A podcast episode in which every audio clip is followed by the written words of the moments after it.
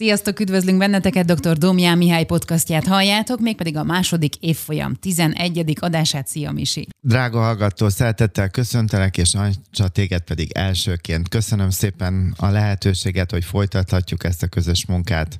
A kölcsönös kérések gyakorlata, ez a mai podcastnak a címe. Mi történt veled mostanában? Honnan a cím? Hát a cím az onnan jött, hogy arra gondoltam, hogy lehetne, hogy teljesen konkrét családterápiás gyakorlatokat is megosztanék, és most csak egyre fogok fókuszálni, ami egyébként nagyon egyszerűnek tűnik, hogy kérjünk egymástól, de ki fog derülni, hogy azért ebben nagyon sok nehézségek is vannak, illetve nem tudunk kérni. Úgyhogy így gondoltam, hogy például majd lesz egy el nem küldött levelek gyakorlata, stb. Tehát, hogy, hogy így gondoltam, hogy egy pár ilyen részt is szeretnék felvenni. Egyébként, hogy kérdezted, hogy mi történt velem mostanában, gondold el, hogy van egy női barátom, 15 éve legalább jobban vagyunk, és eldöntöttük egy nyári napunkon, hogy süti napot csinálunk a Balaton körül, ő ott él, és akkor, hogy én meg ott voltam nyaralni, és akkor, hogy így együtt elmentünk Balatonfüredre is elevet minket a fene, és úgy gondoltam, vagy úgy gondoltuk, hogy hát menjünk el a Bergman cukrászdába. Most ennek van egy régi épülete, meg egy teljesen más helyen egy új épülete, és hát az új az most nem volt nyitva, és így elmentünk a régibe, és nagyon-nagyon finomak a süték, úgyhogy ezúton is köszönöm az élményt. Amikor ott kérdezték, hogy mit, mit szeretne az ember, akkor én mondtam, hogy én tavaly nyáron voltam itt utoljára, és hogy ide ettem egy alkoholos, valami csoki muszos valamit, és hogy, hogy, mi, hogy mi is ennek a neve, tehát azt szeretném újból. Nagyon kedvesek voltak, és erre egy fiatal felszolgáló hölgy odalépett hozzám, és azt mondta, hogy nem nekem van véletlenül pszichológusi podcastom, és, és, és akkor azt mondta, hogy felismerte a hangomat, Tényleg? és hogy igen, és akkor adott egy visszajelzést. Hát ez egy ilyen eszméletlen nap volt, úgyhogy lehet, hogy máskor is kell ilyen süti napot tartani, mert igen, na most még két ilyen kellemes visszajelzést. Ez jól esett neked is, Jaj, hogy felismerték nagyon, a hangot? Hogy mondjam, inkább a hölgynek a, a, a Liliánának a, a nyitottsága, a kedvessége, a szeretete, tehát hogy nagyon, nagyon jól esett, igen. Na most el szeretném a drága hallgatónak mondani, hogy azért ez a podcastozás, vagy bármi valódi tartalomnak a megosztása ebben a social médiában azért ez nem egy olyan dolog, hogy, hogy mondjam, néha úgy érzem, hogy ennek nincs értelme, hogy nincs rá szükség, és nagyon sokszor úgy van, hogy az így, ahogyan így átfut a fejemen egy gondolat, akkor viszont kapok egy, hát mondjuk ez egy nagyon extra helyzet volt, de hogy, hogy egy megerősítést, és neked is, Ancsa, átküldtem, hogy volt egy olyan hölgy, aki nem csak alkoholbeteg, hanem egyben társfüggő is, és hogy ő leírta azt, hogy mennyire sokat ad számára. Igaz, hogy csináltunk egy négy részes sorozatot ebben a témában, alkoholbetegség és társfüggőség, úgyhogy az is nagy lendületet adott, mert, mert ezzel kapcsolatosan mindig azt éreztem, hogy hát, hogy kevésbé jut el, de ez nem igaz. A megfelelő cénközönséghez, mert például nagyon sok alkoholbetegnek a gyermeke írt.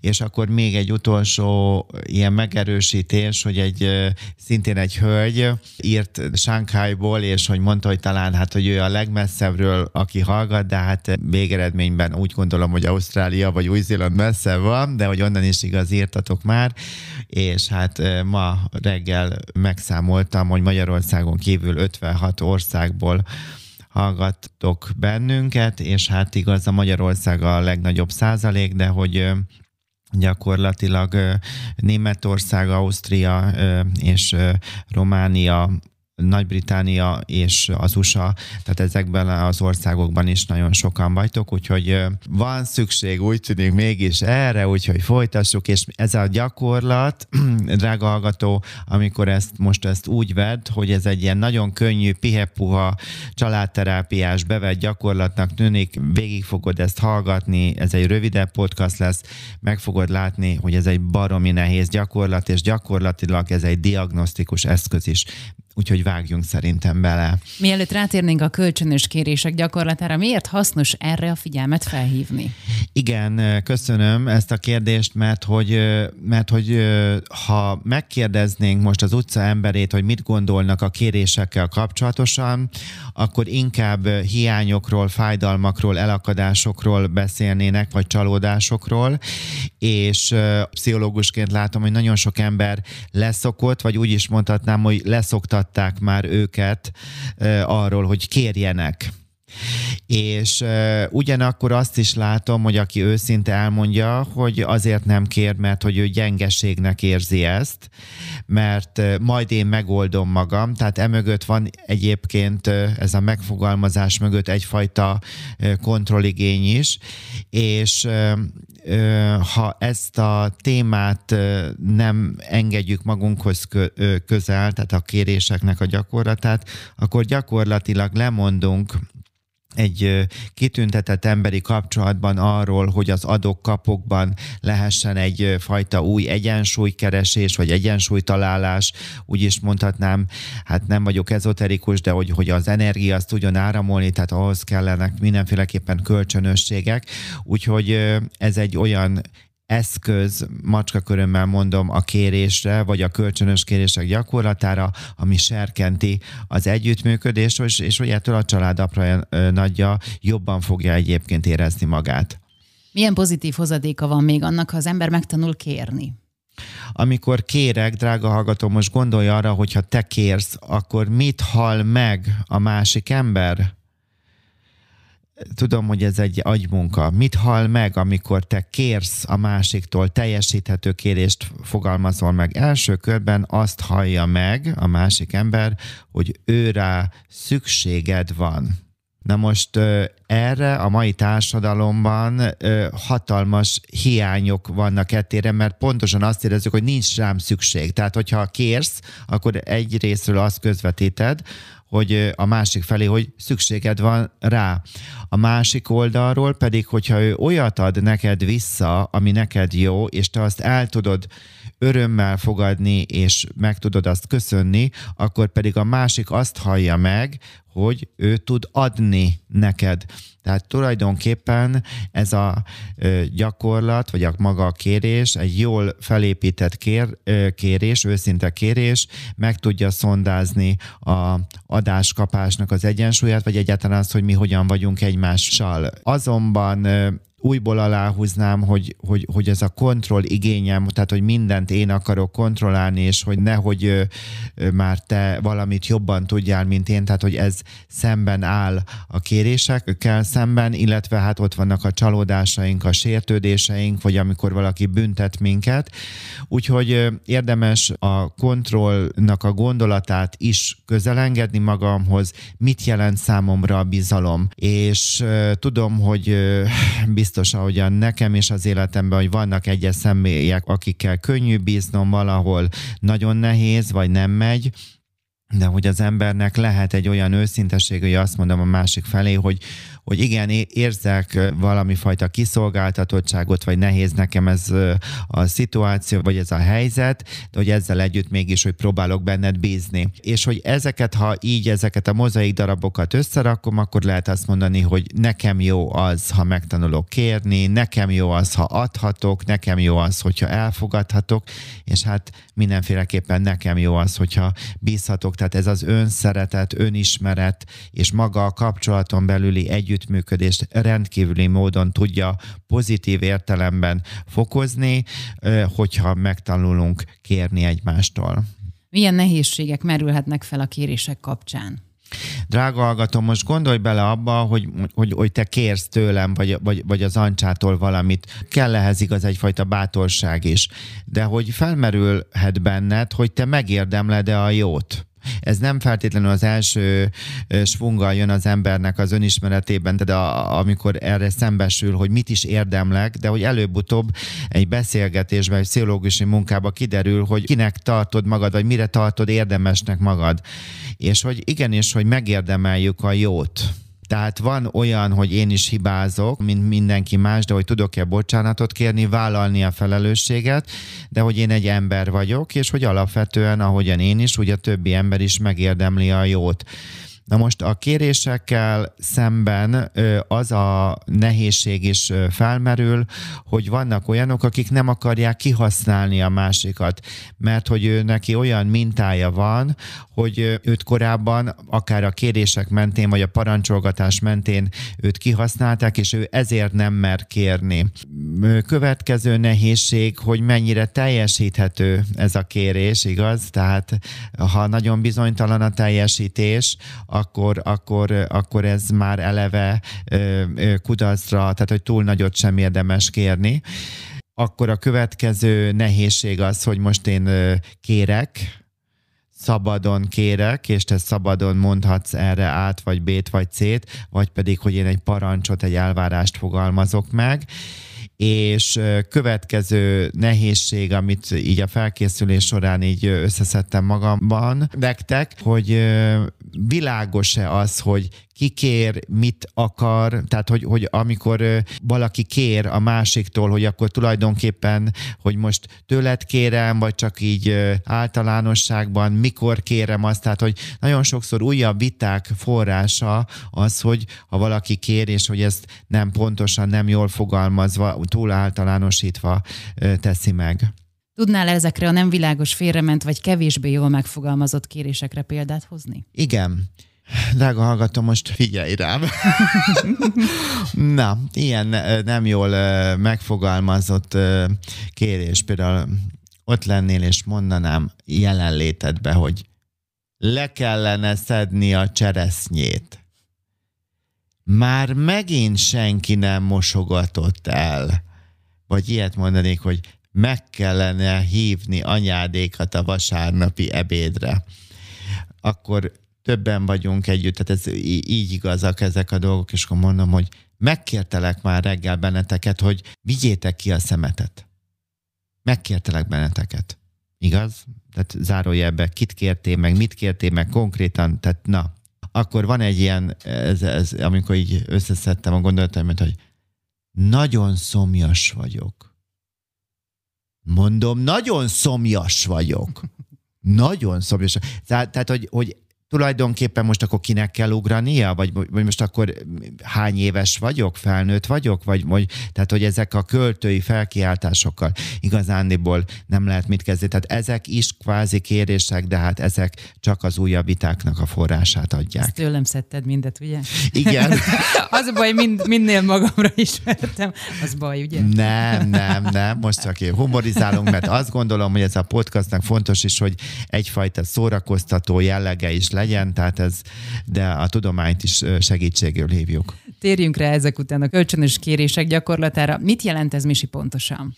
Azt jelenti, hogy a teljesíthető ez a teljesíthető kérés, ez nagyon szeretném aláhúzni, a gyakorlata, hogy pici apróságokon keresztül elkezdődik az adok-kapokban egy új egyensúly felé megyünk el, és hogy elindul az, hogy egyébként az lesz a vége, hogy nekünk jó itt otthon, tehát hogy, hogy, hogy jól érezzük egymás jelenlétében egymást. Nagyon fontos, hogy nyíltan, határozottan, következetesen lépjünk fel, merjünk kérni, és hogy mindenki kér mindenkitől, ez azt jelenti, hogy mondjuk egy négy tagú család esetében, igaz négyszer három, akkor 12 kérés jön így létre. Tudom, hogy ez bonyolultnak tűnik, de drága hallgató, egy picit nyugodjál meg, és meg fogod látni, hogy ez mire fog kimenni, és hogy mi az, amit meg tud mozgatni. Tehát itt végeredményben a kéréseken keresztül nem mondtam, hogy lehet alkudozni, lehet nemet mondani. Vannak olyanok, hogy mondjuk azt kérné tőlem, hogy hetente kétszer teniszezzünk, és én azt mondanám erre, hogy én egyszer tudok veled elmenni, tehát az alkudozásnak, vagy a nemetmondásnak is helye van, de az a lényege, hogy mindenki valamilyen pici dolgot kezdjen el a másiknak olyat adni, ami jó. Na most, hogyha mindenki olyat ad a másiknak, ami neki jó, igaz? Vagy tehát, hogy kölcsönösen, hát akkor ebben a családban megjelenik a mosoly. Mire érdemes figyelni a kérések megfogalmazásakor? Nem tudom eléggé hangsúlyozni, hogy legyen a kérés kölcsönös, és hogy etéren, hogyha előbb egy négy tagú családnak a példáját mondtam, hogy a szülők is kérjenek egymástól. Tehát akkor is ez igaz, hogyha mondjuk kvázi a gyerekkel van a gond, tehát a gyerek hozzá el a családot családterápiára, és ott csináljuk ezt, az egyik gyerekkel van mondjuk valami probléma a viselkedésével, és hogy akkor, amikor ezt a gyakorlatot vesszük, akkor nem csak a gyerekre van fókuszálva, hanem hogy a szülők is kérjenek egymástól. Azt lehet mondani, hogy a szülők mindenféleképpen ebben a gyakorlatban modellként, mintaként szolgálnak válnak. Tehát fontos, hogy a, az első, legfontosabb, hogy a kérések legyenek kölcsönösek, és a szülők egymástól is kérjenek. A következő, hogy a kérés az legyen konkrét. Úgy is mondhatnám, hogy mérhető, és sohasem általános. Az is igaz, hogy kérhetünk akár olyat is, hogy valaki mit ne tegyen meg.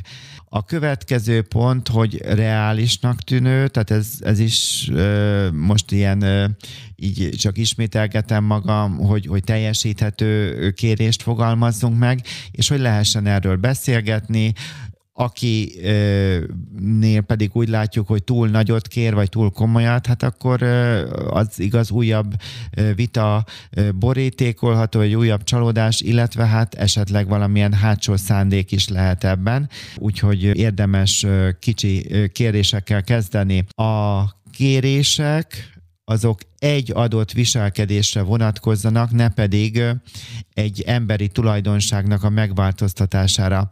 Mondok példákat, hogy légy segítőkészebb, légy pontosabb, szeresd jobban apádat. Most ezek egyike sem megfelelő kérés, ebben a gyakorlatnál, hanem helyette például az, hogy légy segítő készebb, mondhatja azt egy szülő vagy egy testvér, hogy egy héten kétszer készítsünk együtt vacsorát.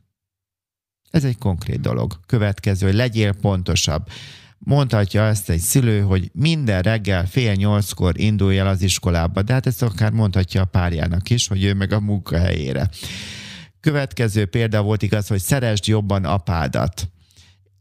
Ez megint egy annyira általános, hogy nem megfogható, hanem konkrétan azt lehet mondani, hogy hetente egyszer menjünk el együtt futni, például. Tehát, hogy, hogy vagy, vagy hetente egyszer rajzolj nekem egy bármit. Tehát, hogy ezek, ezek, ezek konkrét dolgok amit részben már érintettem, hogy itt alkudozásról is, tehát abszolút belefér, tehát hogyha mondjuk én kérném azt tőled, hogy mondjuk gyere el velem egy, nem tudom, egy világkörüli útra, jó, most ez, most ez nem volt jó kérés, várja, de jó kérés volt, jó, csak mondja, jó, jó, jó volt, jó volt, tehát hogy, hogy nem tudom, hogy a Nutella nyuszit elvihetném-e hozzátok. Igen. Jó, jó, de most akkor azt mondanád, hogy, hogy, hogy, hogy oké, okay, de hogy akkor én ezt kérem, és akkor te lehetséges, hogy akkor te két dolgot is, vagy több mindent is mondhatsz. Tehát, hogy lehet, hogy valaki egy dolgot kér, a szemben, a álló pedig ő meg ezzel szemben kettő dolgot fog kérni. Tehát, hogy lehet alkudozni, szabad nemet mondani, de a nemet mondással nem állunk meg, hanem akkor más irányba, de hogy próbáljuk letapogatni, hogy mire van lehetőség. Lehet tehát többet kérni, alkudozni, vétójog van, és nem kell megmagyarázni, hogy, hogy miért nem akarod teljesíteni, ezt most sajnos nem tudom vállalni, és kész. A lényege, hogy ne kényszerből, ne agresszióból, ne ezzel a hozzáállással történjen a, ez a gyakorlatnak a bevezetése, és hogy mindenki vállaljon valamit. Még egy utolsó mondat, túl sokat beszélek megint, magunknak kérjünk. Tehát ne úgy, hogy a társunknak vagy a gyerekünknek kérjünk, hogy neki legyen jó. Ebben a gyakorlatban, tehát ehhez valami fajta szent önzőség kell, tehát ez az önszeretetet is erősíti. Átgondolhatod, drága hallgató, hogy neked mire van szükséged, vagy mi az, ami igazán fontos, és akkor szépen azok mentén, tehát önismeret is szükséges hozzá, és akkor önmagadnak kérjél. Vannak-e még egyéb szempontok, amiket érdemes figyelembe venni? Köszönöm, hogy erre is rákérdeztél, mert hogy fontos, hogy ez ne egy egyszeri. Ez a kölcsönös kérdések az nem azt jelenti, hogy most minden nap karácsony legyen, hanem arról van szó, hogy hetente ismétlődő tevékenységek jöjjenek létre, gesztusok hetente ismétlődő tevékenységek jöjjenek létre a családon belül, a családon belüli kapcsolatokon belül, és az egy nem járható dolog, hogy akkor most én egyik héten kérek egy laptopot, másik héten egy új mobiltelefont, a harmadik egy új cipőt, tehát hogy ez nem a karácsonyozásról szól heti szinten, hanem itt gesztusokról, figyelemről, minőségi időről, nevetésről, sportról, tehát ezekről szól, és hogy ebben tudunk fejlődni. És drága hallgató, újból aláhúznám azt, hogy a kevesebb az több. Tehát itt nem a nagy dolgoknak a kéréséről egyáltalán beindítani azt, hogy szabad kérni, és hogy hogy az, hogy te is jól érezd magad a bőrödbe, de hogy megérteni, hogy neked is az a jó, ha a másik is jól tudja magát érezni, tehát meg kell őt hallgatni, rá kell hangolódni, akár segíteni is abban, hogy ő is meg tudja fogalmazni a maga kéréseit.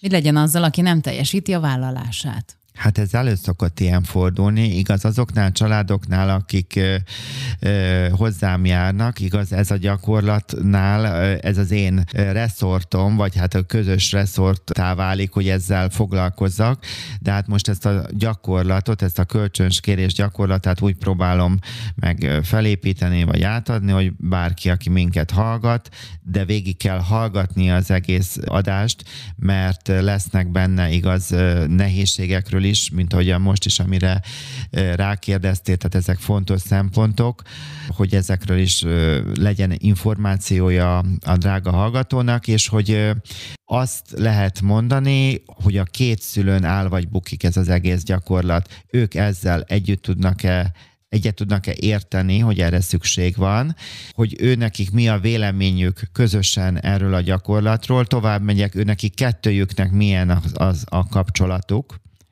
mert hogy ez lehet egy teljes mértékben egy színjátszás is, tehát ez nem fog működni. Ha úgy alakul, akkor ősszel fogunk fölvenni egy olyan podcastot is, ami a családi kupak tanácsnak a gyakorlata lesz, ez is egy nagyon klassz feladat, de most csak röviden annyit, hogy egy héten egyszer legyen egy olyan, mondjuk egy olyan szerda esti vacsora, amikor ott marad a család az asztal körül, és akkor, hogy kupak tanács módjára beszélgetnek, és hogy lehet akkor ott is erről beszélni, hogy akkor most ki hogyan érzi ezek a kérdések kapcsán, vagy lehet igaz ezen változtatni, finomítani, és hogy aki nem teljesíti, akkor ezzel kapcsolatosan is elmondhatjuk a csalódásunkat, de folytassuk. Tehát az a lényege, hogy a szülők egymásnak is adjanak, felvállalják azt, hogy számukra ez a feladat, ez, ez a gyakorlat, ez értékkel bír, egymásnak is adnak, és az a gyerek, aki pedig szabotálja ezt a helyzetet, akkor ott megint nem az agresszió, a presszió, hanem hogy akkor nyíltá teszem, hogy én ezt fontosnak, vagy mi ezt fontosnak látjuk, és akkor attól, hogy az a gyerek nem ad, tehát ő nincs benne ebbe a kvázi játékba, attól folytatni lehet felé a kérésének a teljesítését, és hogy, hogy előbb-utóbb ki fognak jönni a negatívumok is, tehát ez egy olyan gyakorlat, drága hallgató, remélem érzékelet, hogy amikor, amikor kölcsönösen kérünk egymástól, akkor egyszerűen egy ilyen mélyebb, intim kapcsolatba fogunk kerülni egymás csak, és, és hogyha vannak közöttünk falak vagy nehézségek, akkor ezek ki fognak jönni. Nos, tehát hogyha a nem, aki nem teljesíti a vállalását, attól még legyen folytatva jó pár hétig az irányába is, hogy amit ő kér, kapja meg, tehát ne a büntetés legyen, viszont egy héten egyszer közösen a család üljön le és beszéljen erről, és mindenki mondja el, hogy mit érez, mit gondol, de ne a bűntudatkeltés vagy a, az ítélkezés legyen, hanem hát az őszintesség, és hogy segíteni a másikat abban, hogy ő is megnyílhasson és elmondhassa a gondolatait, érzéseit. Mikor nem működik ez a gyakorlat? Egyáltalán nem tud működni ez a gyakorlat, hogyha a sérelmek még nem jöttek ki, elsősorban a szülők között, Tehát, hogyha nagyon erőteljesek még a feszültségek, elsősorban újból aláhúzom a, a szülők között, nem tudnak a családtagok egymással még beszélgetni vagy leülni, tehát ezekben a helyzetekben ez a gyakorlat, ez egyáltalán kontraindikált, egyáltalán nem kell ezzel ö, erőlködni. Ez már egy későbbi fázisban jó, amikor már elindult az, hogy tudok a sérelmeimről beszélni, képes vagyok meghallgatni a másikat, képes vagyok arra, hogy igazat adok neki.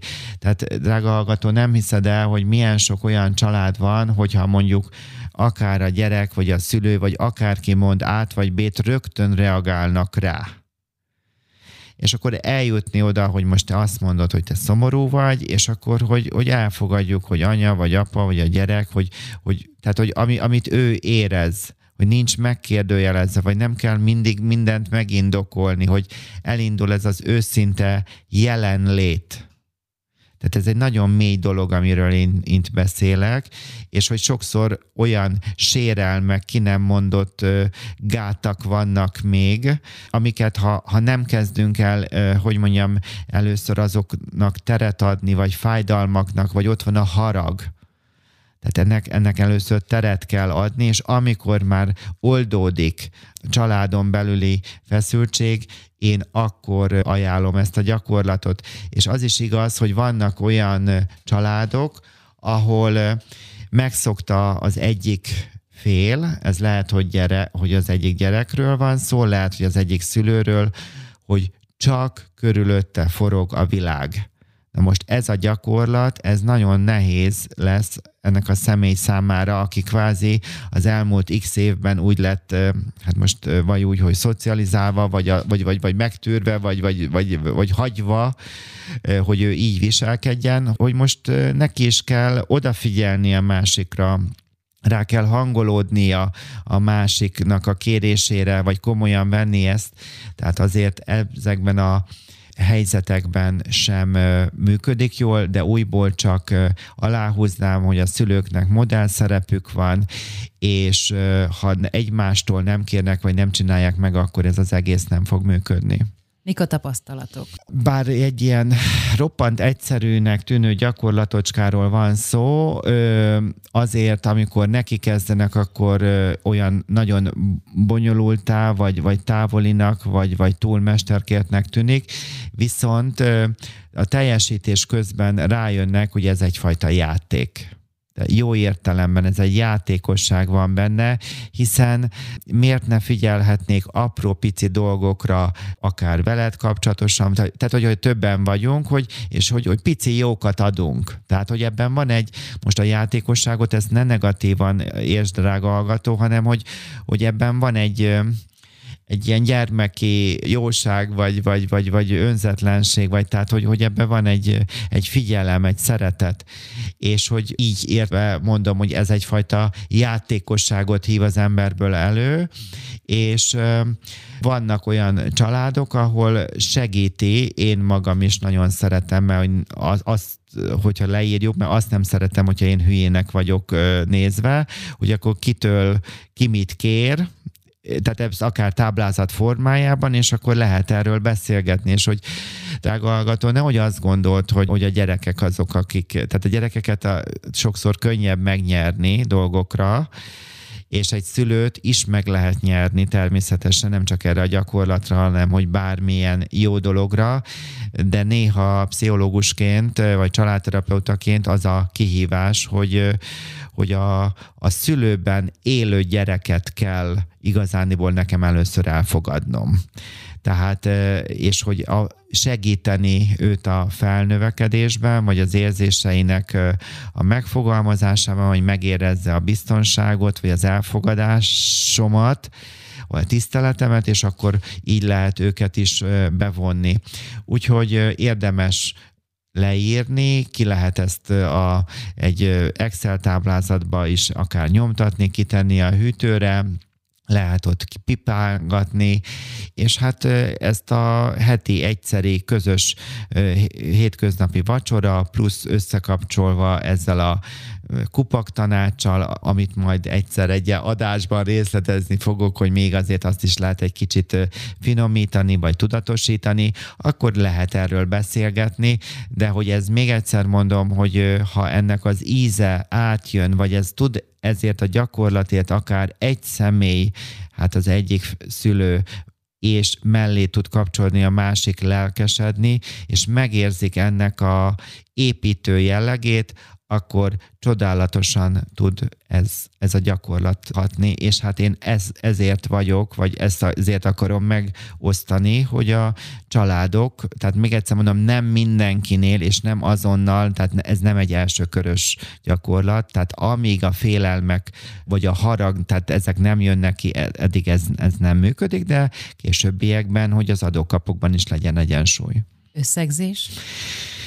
Hát mivel ez a gyakorlat alapvetően csökkenti a családon belüli feszültségeket, tehát hogy, hogy ez egy nagyon klassz dolog, úgyhogy hogy ezt, tudja mindenki élvezni, hogy a családon belül is, meg, meg, meg amikor akárhol iskolába, vagy mindenki a munkahelyén van, tehát ezekre jó rágondolni, ezekre a gesztusokra, és hát azt is el szeretném mondani, hogy ez mindenféleképpen ahogyan már a bevezetőben ezt így érintettem, hogy ez a játék, vagy ez a gyakorlat, ez egy diagnosztikus teszt is, ugyanis amikor én kérek tőled, akkor egy fontos igényt vagy szükségletemet is kell, hogy, tehát hogy, hogy felismerjek, és hogy annak mentén, tehát hogy bemutatom magam, vállalom magam előtted, ez ugyan a ugyanúgy igaz te rád is, és, és hogy ez, ez már az intimitásnak a, a fogalma. Tehát az intimitás az azt jelenti, hogy engedem, hogy belém láts, és, és te is így egy közös mi tudat, vagy, vagy, vagy egy közös útnak a lehetősége jön fel bennünk, és hogy, hogy hát végeredményben ezt hívjuk családnak. Úgyhogy így összegzésképpen azt tudom mondani, hogy hogy drága hallgató, gondold át, hogy mi a jó abban, ha kérsz, gondold át az, hogy amit, amit ö, nyomatékosítottam, hogy, hogy azt közvetített, hogy szükséged van a másikra, és hogy ha beleképzeled a másiknak a helyében magát, akkor hogy ez egy pozitív dolog, és hogyha ő neked olyat ad, de csak ha neked olyan, olyat ad, ami neked jó, és te azt örömmel, köszönettel el tudod fogadni, akkor ő azt hallja meg, hogy ő tud adni, tehát tovább erősíted az ő személyiségét, az ő értékességét, emberségét, felnövekedését a gyereknél is, hogy ő igaz, Böszörményi Nagyiván mondja, hogy érdemszerzése kell, hogy a szülő lehetőséget biztosítson a, a gyereknek. Tehát, hogyha igaz, egy falevelet szed egy nagyon kis gyerek, és odaadja a szülőinek, gyermeknek, hogy akkor a szülő azt tudja elfogadni, tudjon örülni neki, vagy a nagyobb akkor egy ákombákom rajznak, vagy ez így megyünk tovább, és hogy odáig is el lehet jutni, hogy egy gyerek a saját kis pénzéből mondjuk egy országtortát vásárol a szülőjének.